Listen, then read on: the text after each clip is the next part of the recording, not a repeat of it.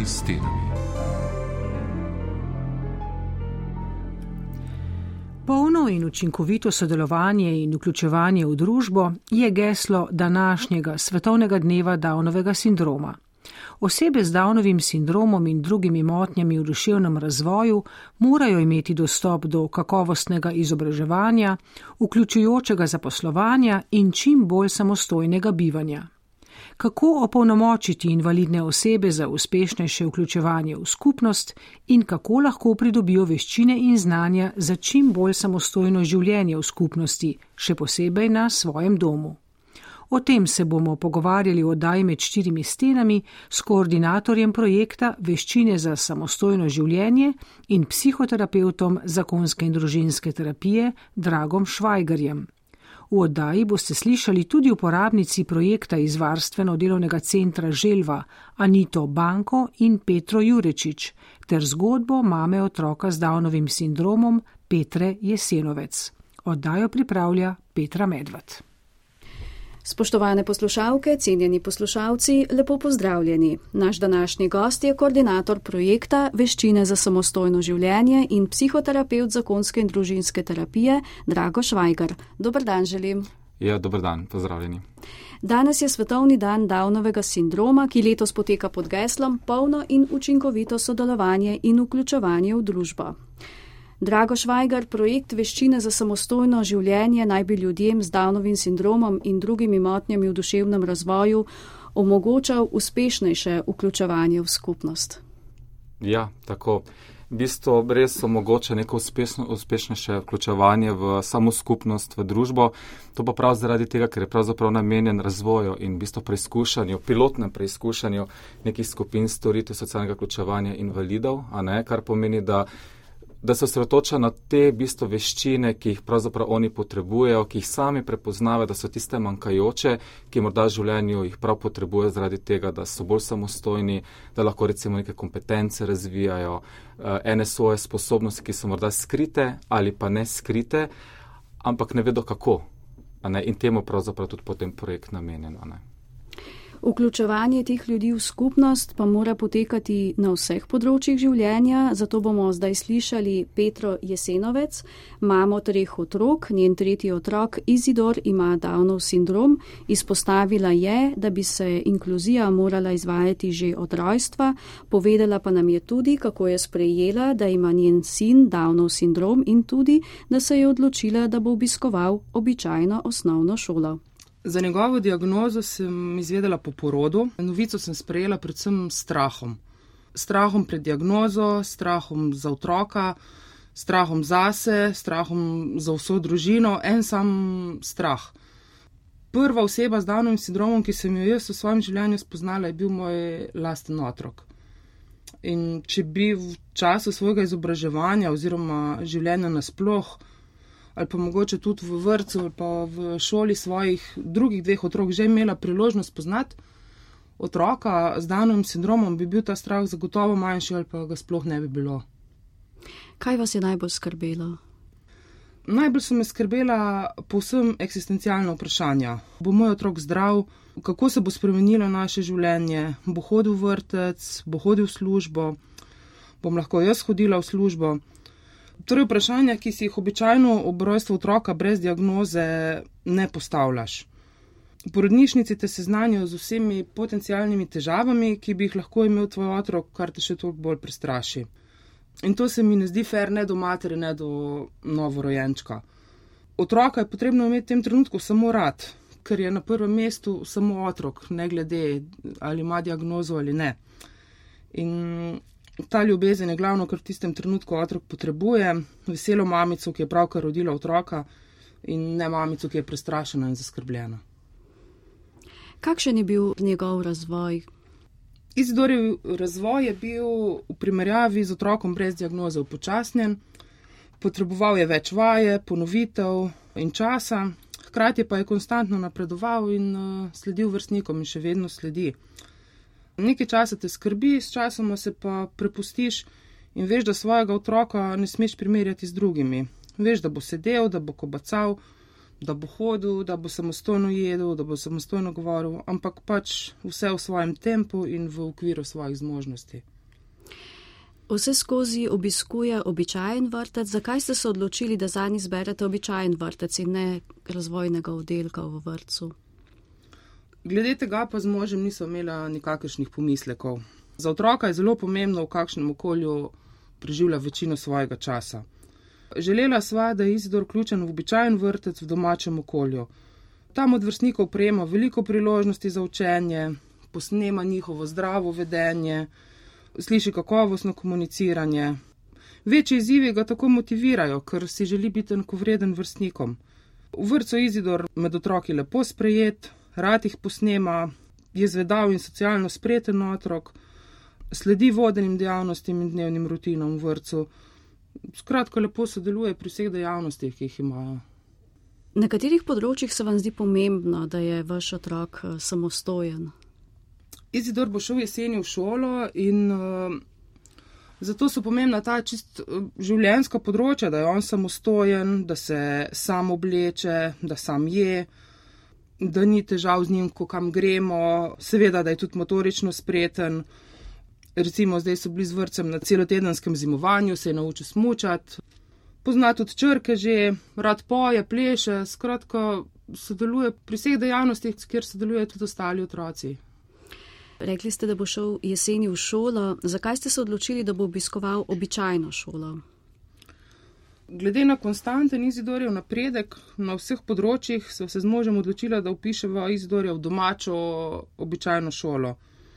Za Izidorja je izjemno pomembno, da ostane v svojem domačem okolju med svojimi vrstniki, ki odhajajo iz vrca skupaj v šolo na ta način ne bo odraščal izolirano in ne bo deček, ki ga pač nekam drugam vozijo v šolo, ampak bo šel v šolo, kamor gredo tudi vsi ostali. Pomemben faktor je tudi, da Izidor šolo dobro pozna, ker jo obiskujete tudi njegova starejša brata in bo za celotno družinsko dinamiko koristno in pomembno, da vsi tri otroci obiskujejo isto šolo. Ja, želiva, da bo učenec redno osnovne šole tako dolgo, dokler bo napredoval tako na osebnostnem kot učnem področju, da se bo v šolskem okolju dobro počutil in rad hodil v šolo. To bo gotovo ugodno vplivalo na njegovo tako socialno vključenost med vrstnike, kot na njegovo splošno in siceršno samo podobo, ter ga pripravilo na življenjski vsakdan. Če bi se pa kadarkoli pokazalo, da so zanj izzivi preveliki, pa so možnosti za usmeritev druge programe zanj še vedno odprte. Ali imate starši, ki želite otroka z Downovim sindromom upisati v običajno šolo, pri tem kakšne težave? Obstajajo kakšne smernice za te otroke, kako ravnati z njimi v šoli? Ja, za predšolske otroke recimo zgodna obravnava zelo dobro teče in je za otroke z Downovim sindromom dokaj običajno, da so vključeni v redne vrce. Tu inkluzija lepo poteka, otroci so vključeni, Nažalost so sicer še vedno posamični primeri, ko to ni tako enostavno. Zaključkom vrca pa se ta pravljica v narekovajih konča, ker je vse prej kot običajno, da se otrok z danovim sindromom upiše v večinsko šo, osnovno šolo. Sistemska podpora ne obstaja, na vsakem koraku se moraš boriti sam. Starši bi morali biti najmanj pravniki, zdravniki, pa še kaj, da raziščemo vse možnosti, ki obstajajo.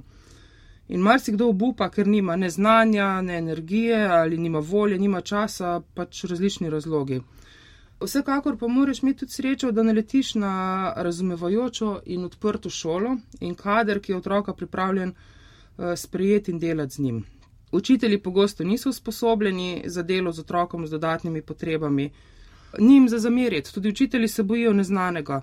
Osnovne šole tako redko odprejo svoja vrata tudi za učence z Danovim sindromom. Tiste, ki so pa to storile, imajo pa dobre izkušnje. Izkušnje so pokazale velike prednosti takšnega šolanja, saj se vsi učenci učijo tudi drug od drugega.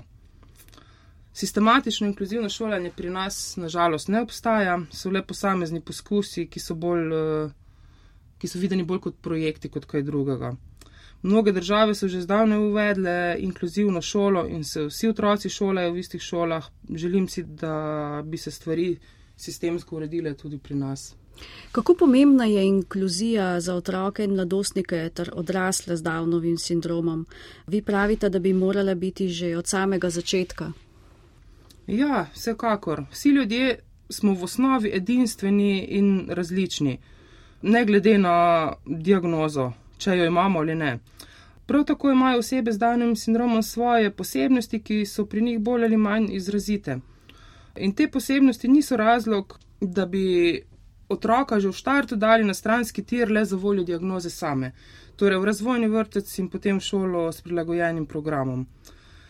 Menim, da se je težko boriti za inkluzijo in enakovrednost odraslih z Danovim sindromom, če inkluzija ne poteka vse čas, od rojstva naprej. Mora potekati v vseh življenjskih obdobjih posameznika. Inkluzija prinaša koristi vsem učencem, tako tistim s posebnimi potrebami, kot tudi ostalim. Razvijajo se prijateljstva, učenci brez težav bolj cenijo razlike, učenci s posebnimi potrebami so bolj motivirani urijo prijateljske veščine, skupaj rešujejo težave, dobivajo pozitivno samopodobo, spoštovanje drugih in to se potem pogosto prenese tudi na družino otrok, saj se starši in družine naučijo bolj sprejemati razlike. Kaj si želite za vašega otroka v prihodnosti in kaj mogoče pričakujete od institucij? Izidorju želim predvsem, da bi živel polno življenje. Nekatere omejitve mu daje njegova osnovna diagnoza, ne želim pa, da bi mu dodatne omejitve postavljala družba. Vsak dan slišimo, da nekdo z danovim sindromom počne nekaj novega, česar še ni počel. Naprimer, se potaplja, vozi avtomobil, študira na fakulteti.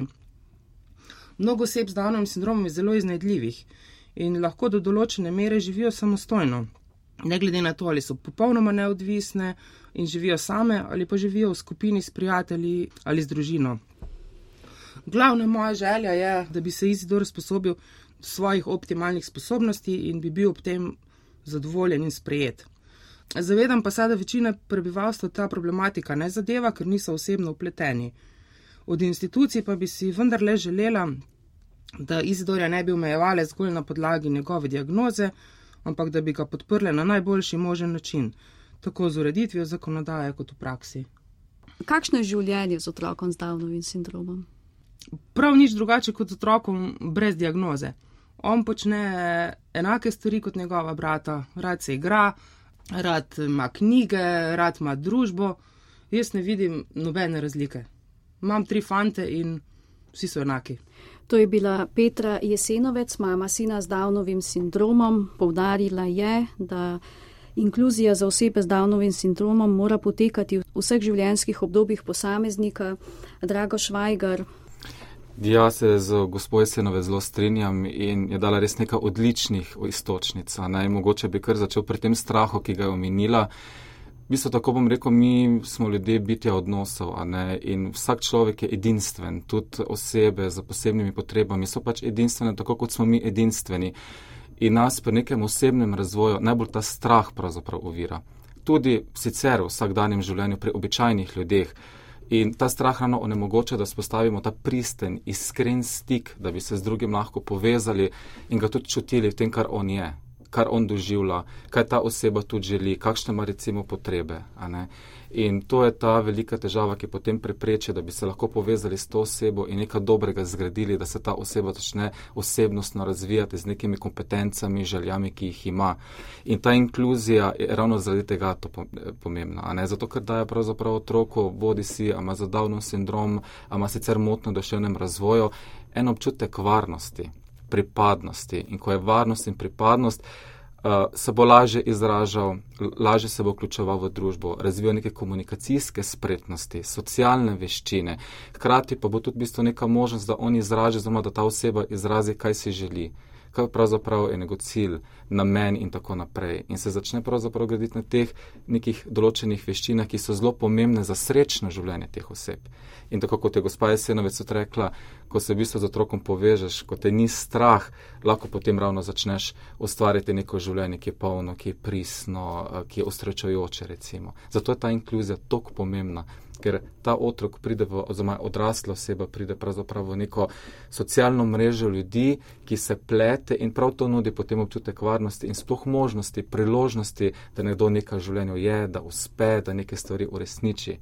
Tudi včasih ne mogoče stvari, ko se nam mogoče sam zdi, da so ne mogoče, ampak ta inkluzija ravno ta, to možnost daje, da pa mogoče, mogoče je možno. Ker se spoznava nove ljudi, nove priložnosti za razvijanje nekih veščin, kompetenc, razmišljanja o sebi, o drugih in tako naprej.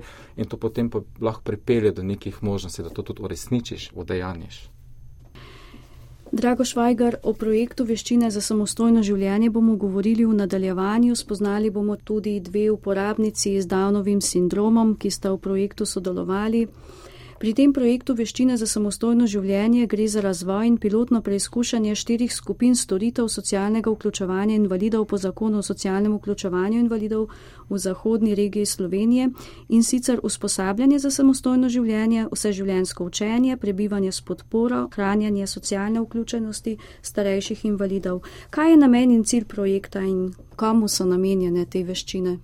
Ja, razvoj pravzaprav teh vseh veščin in spretnosti po zakonu o socialnem vključevanju invalidov je namenjen osebam z motnjo dušenem razvoju, tudi drugim skupinam oseb, ki imajo pravzaprav odločbo statusne invalidnosti po zakonu o socialnem vključevanju invalidov, se pa izvaja tako na zahodni regiji, kot jo izvajamo mi, in kot tudi na vzhodni. Tako je pravzaprav celotno slovenski eh, projekt. V bistvu cilj in namen tega projekta je prav to, da se v bistvu razvijajo in preizkušajo, torej pilotno preizkušajo te veščine za samostojno življenje prav teh oseb z motnjo v duševnem razvoju, oziroma z temi invalidnimi osebami, ki imajo status uh, invalidnosti. In te veščine so prav te, ki jih oni sami prepoznavajo kot pomembne za njihovo osebnostno rast. Torej, podarek je na tem, da oni sami odločajo, kaj je tisto, kar bi se njim pravzaprav moralo nuditi, da bi oni lahko bili samostojni življenje. In to je ta glavni, ključen podarek in to je tudi cilj. Torej, preizkušanje prav teh storitev. Zdaj, kakšne pa so, so pa pravzaprav zelo različne. Mi tudi z vsakim uporabnikom um, naredimo en taki dolg intervju, uh, tudi se ga ponovimo, drugič, tretjič, prav zaradi tega, da dobimo dober pogled, kaj so tiste veščine, ki jih ti uporabniki želijo sploh doseči. Da te osebe lahko začnejo razvijati te kompetence. In to je ravno cilj in namen. Torej, razvijanje prav tega, kar vsak posebej sam prepoznava, da je ključno za njegov razvoj in tudi za uh, pridobivanje enih veščin, s katerimi lahko on samostojno biva ob neki recimo redni podpori uh, in ne rabi zaradi tega iti v eno institucijo in tam prebivati pa da ne bo kdo narobe razumel, s temi institucijami prav nič ni narobe, ampak je pa res, da ti uporabniki oziroma te osebe, ki imajo ta status invalidnosti, tudi želijo sami živeti. Za tem trenutku morda živijo starši, eh, starša nažalost večno ne bo oziroma skrbnikov in ti uporabniki želijo, da bi morda živeli prav v te hiše, kjer so do sedaj sami, ob mogoče neki podpori, da ne rabijo iti v institucijo. Ne? In to je ta najbolj poglavitni cilj in namen tega projekta, da jim lahko omogočimo, da razvijo vse te veščine in vse te kompetence, ki so nujne, potrebne, da oseba lahko samostojna, da razvijajo, da utrjujejo.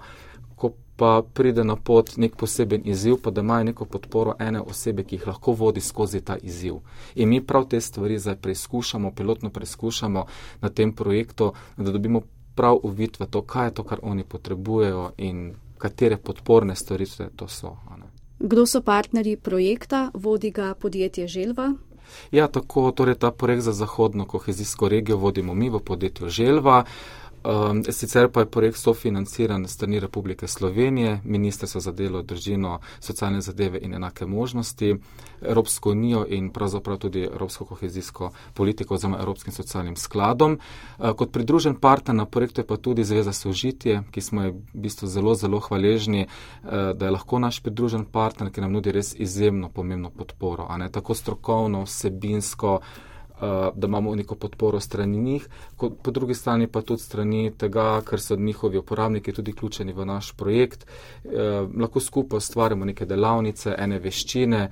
Um, in tudi to je ena taka inkluzija, v bistvu po svoje, ne, da lahko različni partnerji skupaj sodelujemo in ustvarjamo v bistvu nekaj zelo lepega in podpirajočega. V želvi si prizadevate, da so vaši uporabniki z Downovim sindromom in drugimi motnjami v duševnem razvoju čim bolj samostojni. Na kakšen način jim pri tem pomagate, kako potekajo priprave na samostojnost? Mhm. Ja, same priprave se začnejo tako, kot sem že prej omenjal, so uporabniki povabljeni na en taki razgovor, na en taki intervju, ki se pravzaprav mi boljše spoznamo. Ne? Spoznamo tudi njih, njihove želje, potrebe, uh, ki so nujne za njihovo recimo samostojnost, oziroma za neko podporne storitve. In od tukaj se pravzaprav vse skupaj začne. Mi tam dobimo en dober pogled, naredimo en načrt, kaj je to, kar ta oseba potrebuje, in potem na podlagi tega dodelimo temu uporabniku nekega določenega izvajalca, lahko tudi več izvajalcev, eh, tudi eh, ene take skupine, katere so vključeni, delavnice tudi. In eh, na tak način oni krepijo preko tega neke svoje uh, želje glede tega samostojnega življenja. In to, če čist praktično tako zgleda, da so vključene recimo neke kuharske delavnice, delavnice na kak način opravljati z bančnimi karticami, hitro blagajno, kako sploh postopati v primeru, uh, da se preko, ko danes tok popularne so te online storitve, kako jih pravzaprav sploh razvijati oziroma kako narediti neko možnost, uh, da lahko online komuniciramo um, od tega, da se naročimo pri zdravniku, da pokličemo po telefonu zdravnika, tako na primarni, kot tudi na sekundarni ravni. Mnogi, recimo na primarno raven, z lahkoto naredijo nek stik, uh, nek kanal komunikacijski, recimo na sekundarni stopni pa več ne vejo, kako postopati.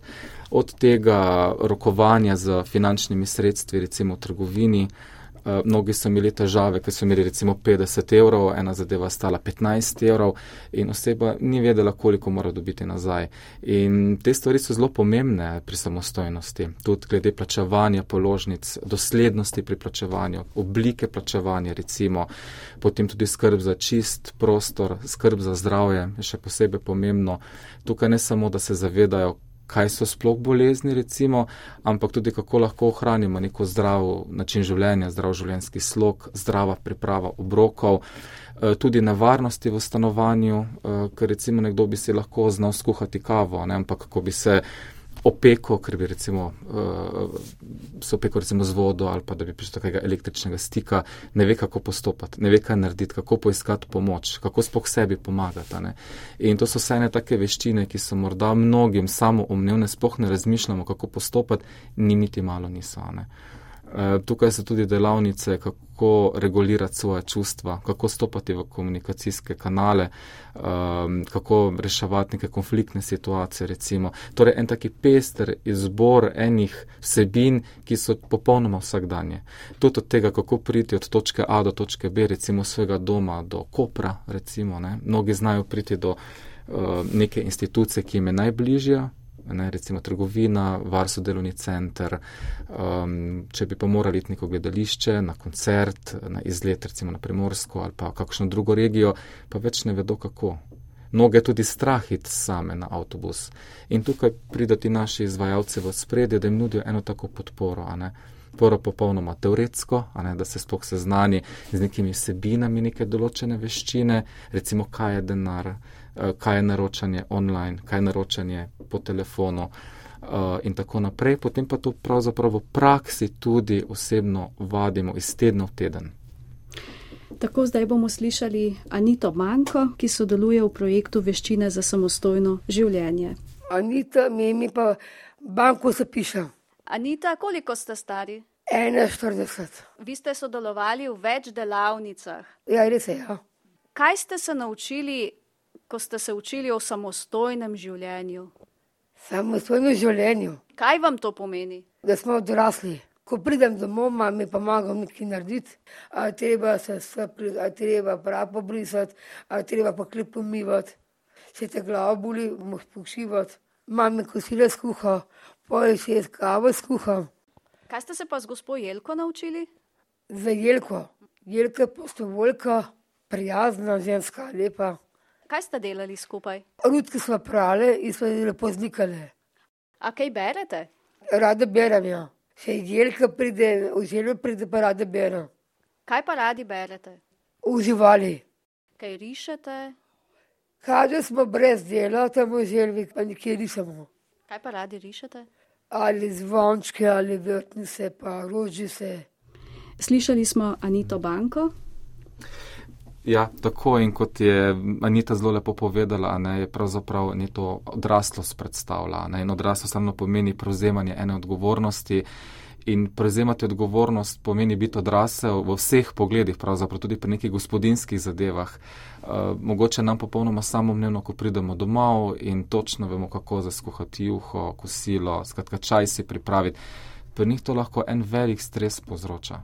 Tudi če vedo mogoče sami pri sebi, kako bi zase skuhali čaj, Uh, ko pride do tega, jih mogoče malo panika zagrabi, ne vedo točno, kako postopati, uh, kako mogoče ugasniti štedilnik. In to so vse te veščine, ki jih ti naši uporabniki dobijo v sklopu tega projekta. In kot je tudi Anita lepo povedala, so vključeni v različne aktivnosti.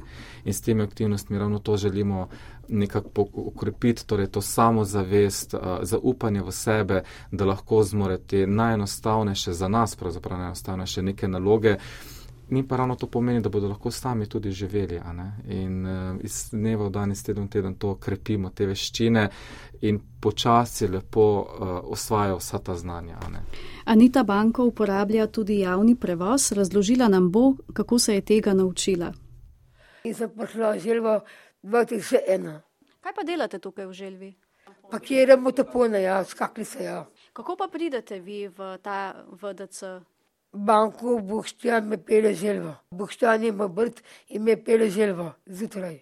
Se sami uredite, da pridete v... Zjutraj vstanem, teplete jemljam, pa mami kave skuha, pa se jih pa lepo zubim, pa službo. Vrt me pele želvo, pa sama domov. Kako pa greste domov? Na avtobus, leščesko, pa ki pa jaz dol in pa peš domov. Kako pa je na avtobusu? Kako ste se naučili, da morate iti na šestko? Prvo se pa šolo hodilo, Lojze, meni še na avtobus. Jad. Kako se počutite, ko greste sami na avtobus?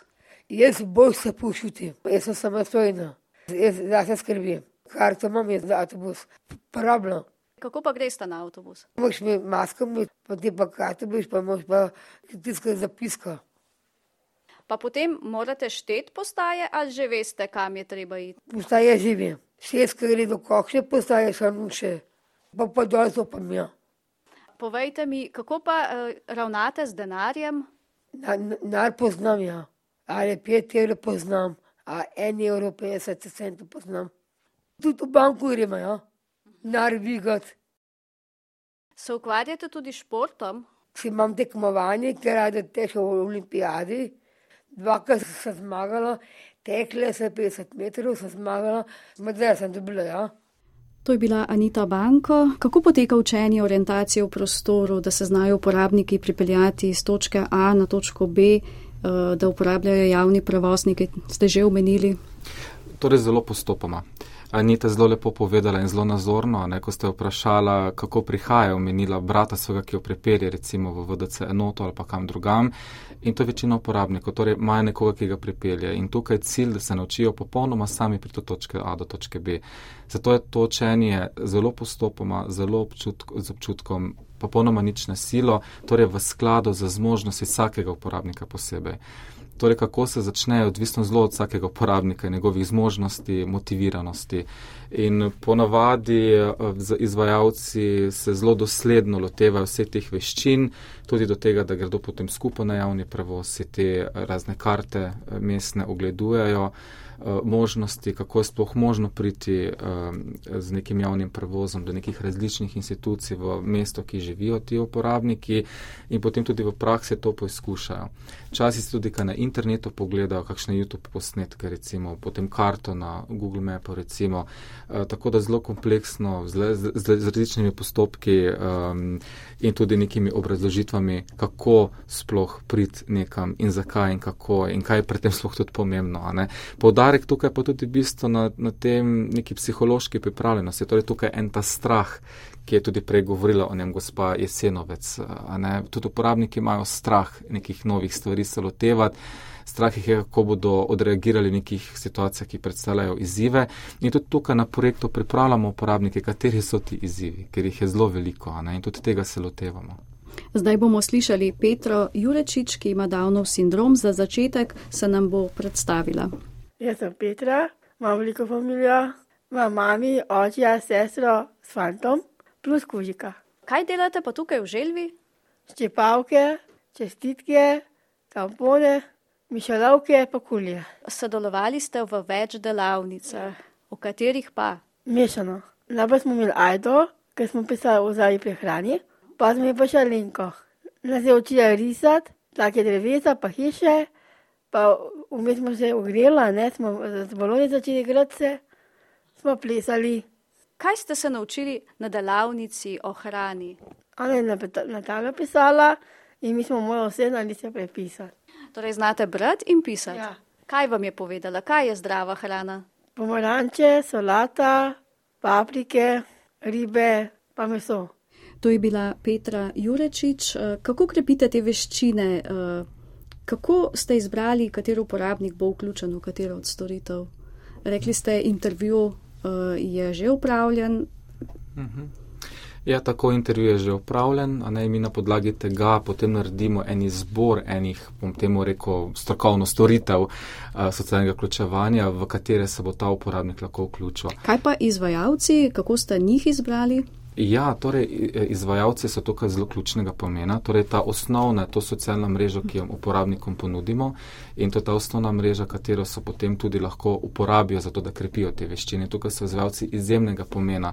Torej tisto osnovno sredstvo, ki, ki nam pomaga, da, da izberemo izvajalca, je neka osnovna empatija, sočutje do človeka. Eh, Ogromno je ljudi, ki ima tudi ogromno kompetenc, strokovnega znanja, ampak če v ozadju neka želja potem, da bo sebe promoviral, eh, da bo izkoristil neke ranljive skupine za to, da lahko sebi doda neko pomembno točko, da ga ljudje vidijo in opazijo, to pri nas ne predopoštev. Mi takih izvajalcev ne izbiramo eh, in tudi naši izvajalci dobro vedo, da preden dobijo ta potrditveni da, da so lahko na tem projektu, traja kar nekaj časa. In to je prav iz tega razloga, ker imamo več intervjujev z njimi, večkrat jih želimo srečati in si tudi mi vzamemo toliko več časa, da razmislimo, kateri je ta prav. Ker ključno pri izboru je ravno ta sočutje, empatija, želja potem, da ti pomagaš človeku, da ga sploh slišiš, da ga vidiš.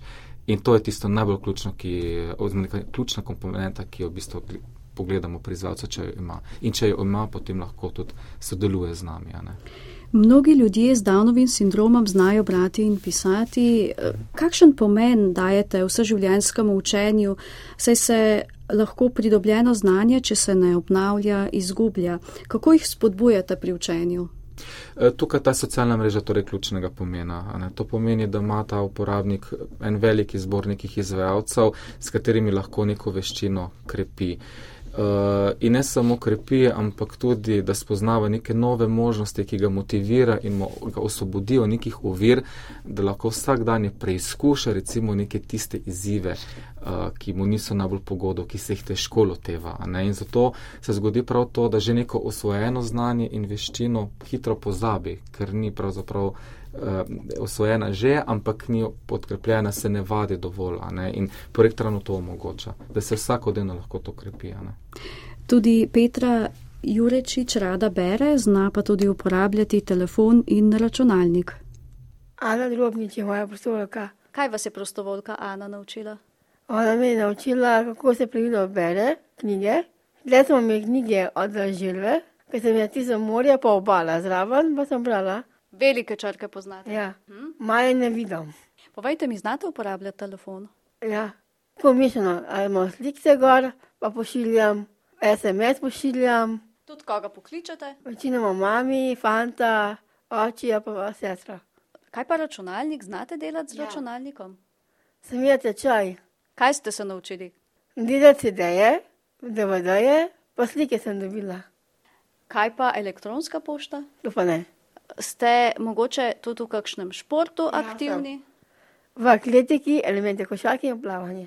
Eni tečemo, eni imajo kugle, pa v žugico. Pa plavate tudi, prav? Ja, nahodila vam. Kdaj pa plavate? Samo ob četrtki. To je bila Petra Jurečič. Veščinama, katerimi ste se v projektu posvetili, sta tudi upravljanje z mobilnim telefonom in pridobitev znanja računalništva. Zakaj? Ja, v bistvu brez tega dan danes skoraj da ne moremo. Ne? Sploh ta COVID izkušnja nam je dala ogromno uh, nekega pogleda to, kako v bistvu smo težko povezani, če nimamo ne telefona in ne interneta in pod isto posledično tudi v bistvu računalnika. In zato smo tukaj dali res velik podarek, da znajo operirati z telefonom, da znajo operirati tudi z računalnikom. Ravno zaradi tega, ker kot prvo, da ostajajo povezani s svetom, uh, socialnimi omrežji, torej to pomeni, da lahko tam izbrskajo neke informacije, tudi na koncu konca o zdravju, o pripravi obrokov, recimo hrane, um, tudi pogleda, če kdo recimo želi priti na neki, na neki izlet ali pa na neke koncerte se odeležiti, da tudi znajo tam sami preveriti, kje se to nahaja in kako do tega priti. Recimo, eh, kot tretje pa tudi zaradi tega, da znajo sploh mobilni telefon kot tak uporabljati. Tudi v primeru, recimo, če potrebuje kakšno pomoč, eh, tudi za krepitev socialne mreže, za sovrstniki, da se lahko pogovarjajo. Um, da kot vsakodnevno komunicirajo, da niso odvisni od tega, da nekam morajo iti, da nekoga srečajo ampak da tudi to naredijo doma, s telefonom, z računalnikom, se povežejo in že v bistvu komunicirajo. Ne? Govoriva tudi o prebivanju s podporo. Kako jih opolnomočite, glede na to, da bivajo doma in kaj to pomeni za družinsko dinamiko? Mhm. Torej, ta, ta, ta podpora, ki jo ima sama družina, je ključnega pomena. Tudi Petra je prepovedala, da izhaja iz velike družine in družina res da ogromno podpore, veliko tudi nauči svoje otroke. Ampak to podporo, ki pa mi nudimo, je pa mal drugačna. Mi s to podporo v bistvu želimo starše in skrbnike teh upravnikov razbremeniti. Oni se z njimi že res veliko odkvarjajo, od malih nog že naprej, eh, zelo veliko znanja, truda, časa, energije vlagajo prav, prav v to vzgojo vzgojo in to, da čim bolj opolnomočite svoje otroke, da lahko res čim več naredijo, kar lahko v svojem življenju.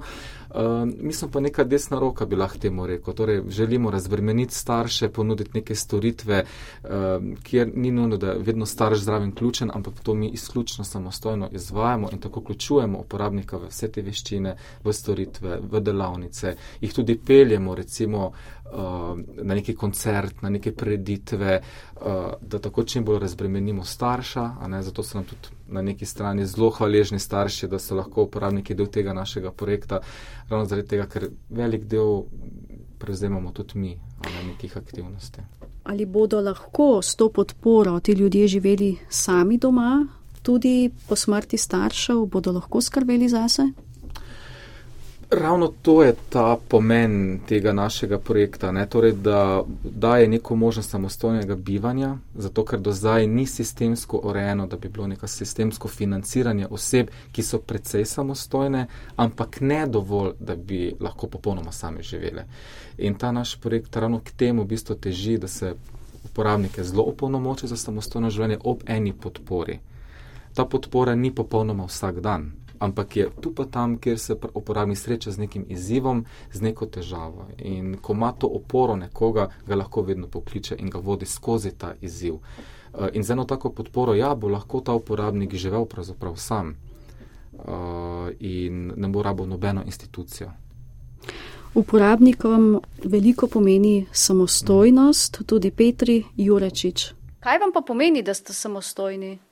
Samo si naštima za, za jesti, sama se začima za obleč, za obud, vse. Se tuširam, kopam, da si umimam, vse. Kaj pa imate najraje v življenju? Uh, kdaj ste srečni? Zakaj gre jaz fantom na sprehod? To je bila Petra Jurečič. Kaj je najpomembnejše za ljudi z Downovim sindromom pri vključevanju v družbo?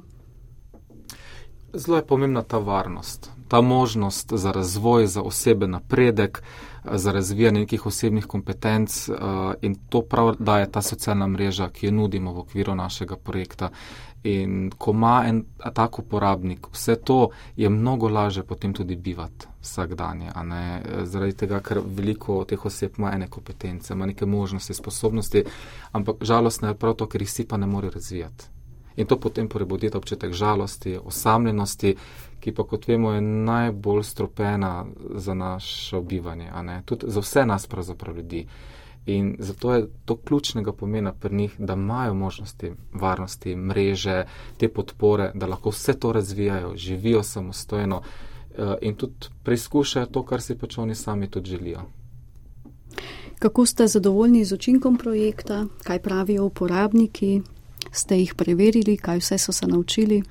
Ja, njihovo zadovoljstvo mi preverjamo že skozi vso trajanje projekta. Vsak mesec jih vprašamo uh, o učinkih samih, kako so zadovoljni, kaj bi spremenili, tako da ne nekno ta evalvacija o zadovoljstvu z njimi poteka. Prav tako tudi starši. In imamo informacije, da so zelo zadovoljni, da smo ena taka podaljšana roka uh, tako skrbnikom, hkrati pa pomembna podpora tem uporabnikom, da jim je zdaj mnogo boljše prav zaradi tega, ker imajo neko mrežo, v katero so vključeni in lahko se te kompetence, o katerih smo danes že govorili, razvijajo in so v njih vključeni. in zaradi tega v bistvu so precej zadovoljni in mi je prav žal, da se projekt tudi približuje koncu. Ta projekt se končuje konec marca. Kako naprej? Ja, uradno se končuje konec marca. Mi smo sedaj tudi posredovali na ministrstvo vlogo za podaljšanje projekta, čakamo še na odgovor. Bomo zelo veseli, seveda, če se ta projekt podaljša. Uh, okolikor se pa ne bo, uh, pa se tudi ureja zakon o socialnem vključevanju invalidov in s tem tudi nekih storitev, katere bodo lahko ti uporabniki pod širom Slovenije pridobili in jim bo tudi omogočen, da bodo imeli eno tako podporno mrežo, katero smo zdaj preizkušali v okviru tega projekta. Torej sedaj več ne bo preizkušanje, ampak dejansko eh, neka uh, možnost eh, sofinancirana za te uporabnike, da bodo lahko imeli nekoga podpornega, oziroma neko podporno osebo. No. Polno in učinkovito sodelovanje in vključevanje v družbo je geslo današnjega svetovnega dne Downovega sindroma, kot smo že povedali.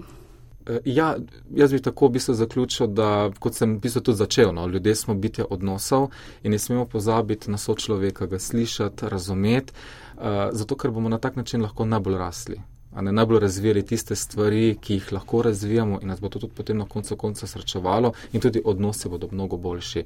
In s tem bi jaz tudi v bistvu zaključil, ne pozabimo na to, ne, v odnosih rastemo, se razvijamo in brez njih ne moramo, ne glede na to, kakor že, že je in s kom je. Drago Švajgar, hvala vam za ta pogovor in obisk v studiu. E, tudi vam hvala. Spoštovane poslušalke, cenjeni poslušalci, gosto daje med štirimi stenami je bil koordinator projekta Veščine za samostojno življenje in psihoterapeut zakonske in družinske terapije Drago Švajgar. Odajo sem pripravila in vodila Petra Medved, tehnična izvedba David Lab. Lep in uspešen dan vam želimo.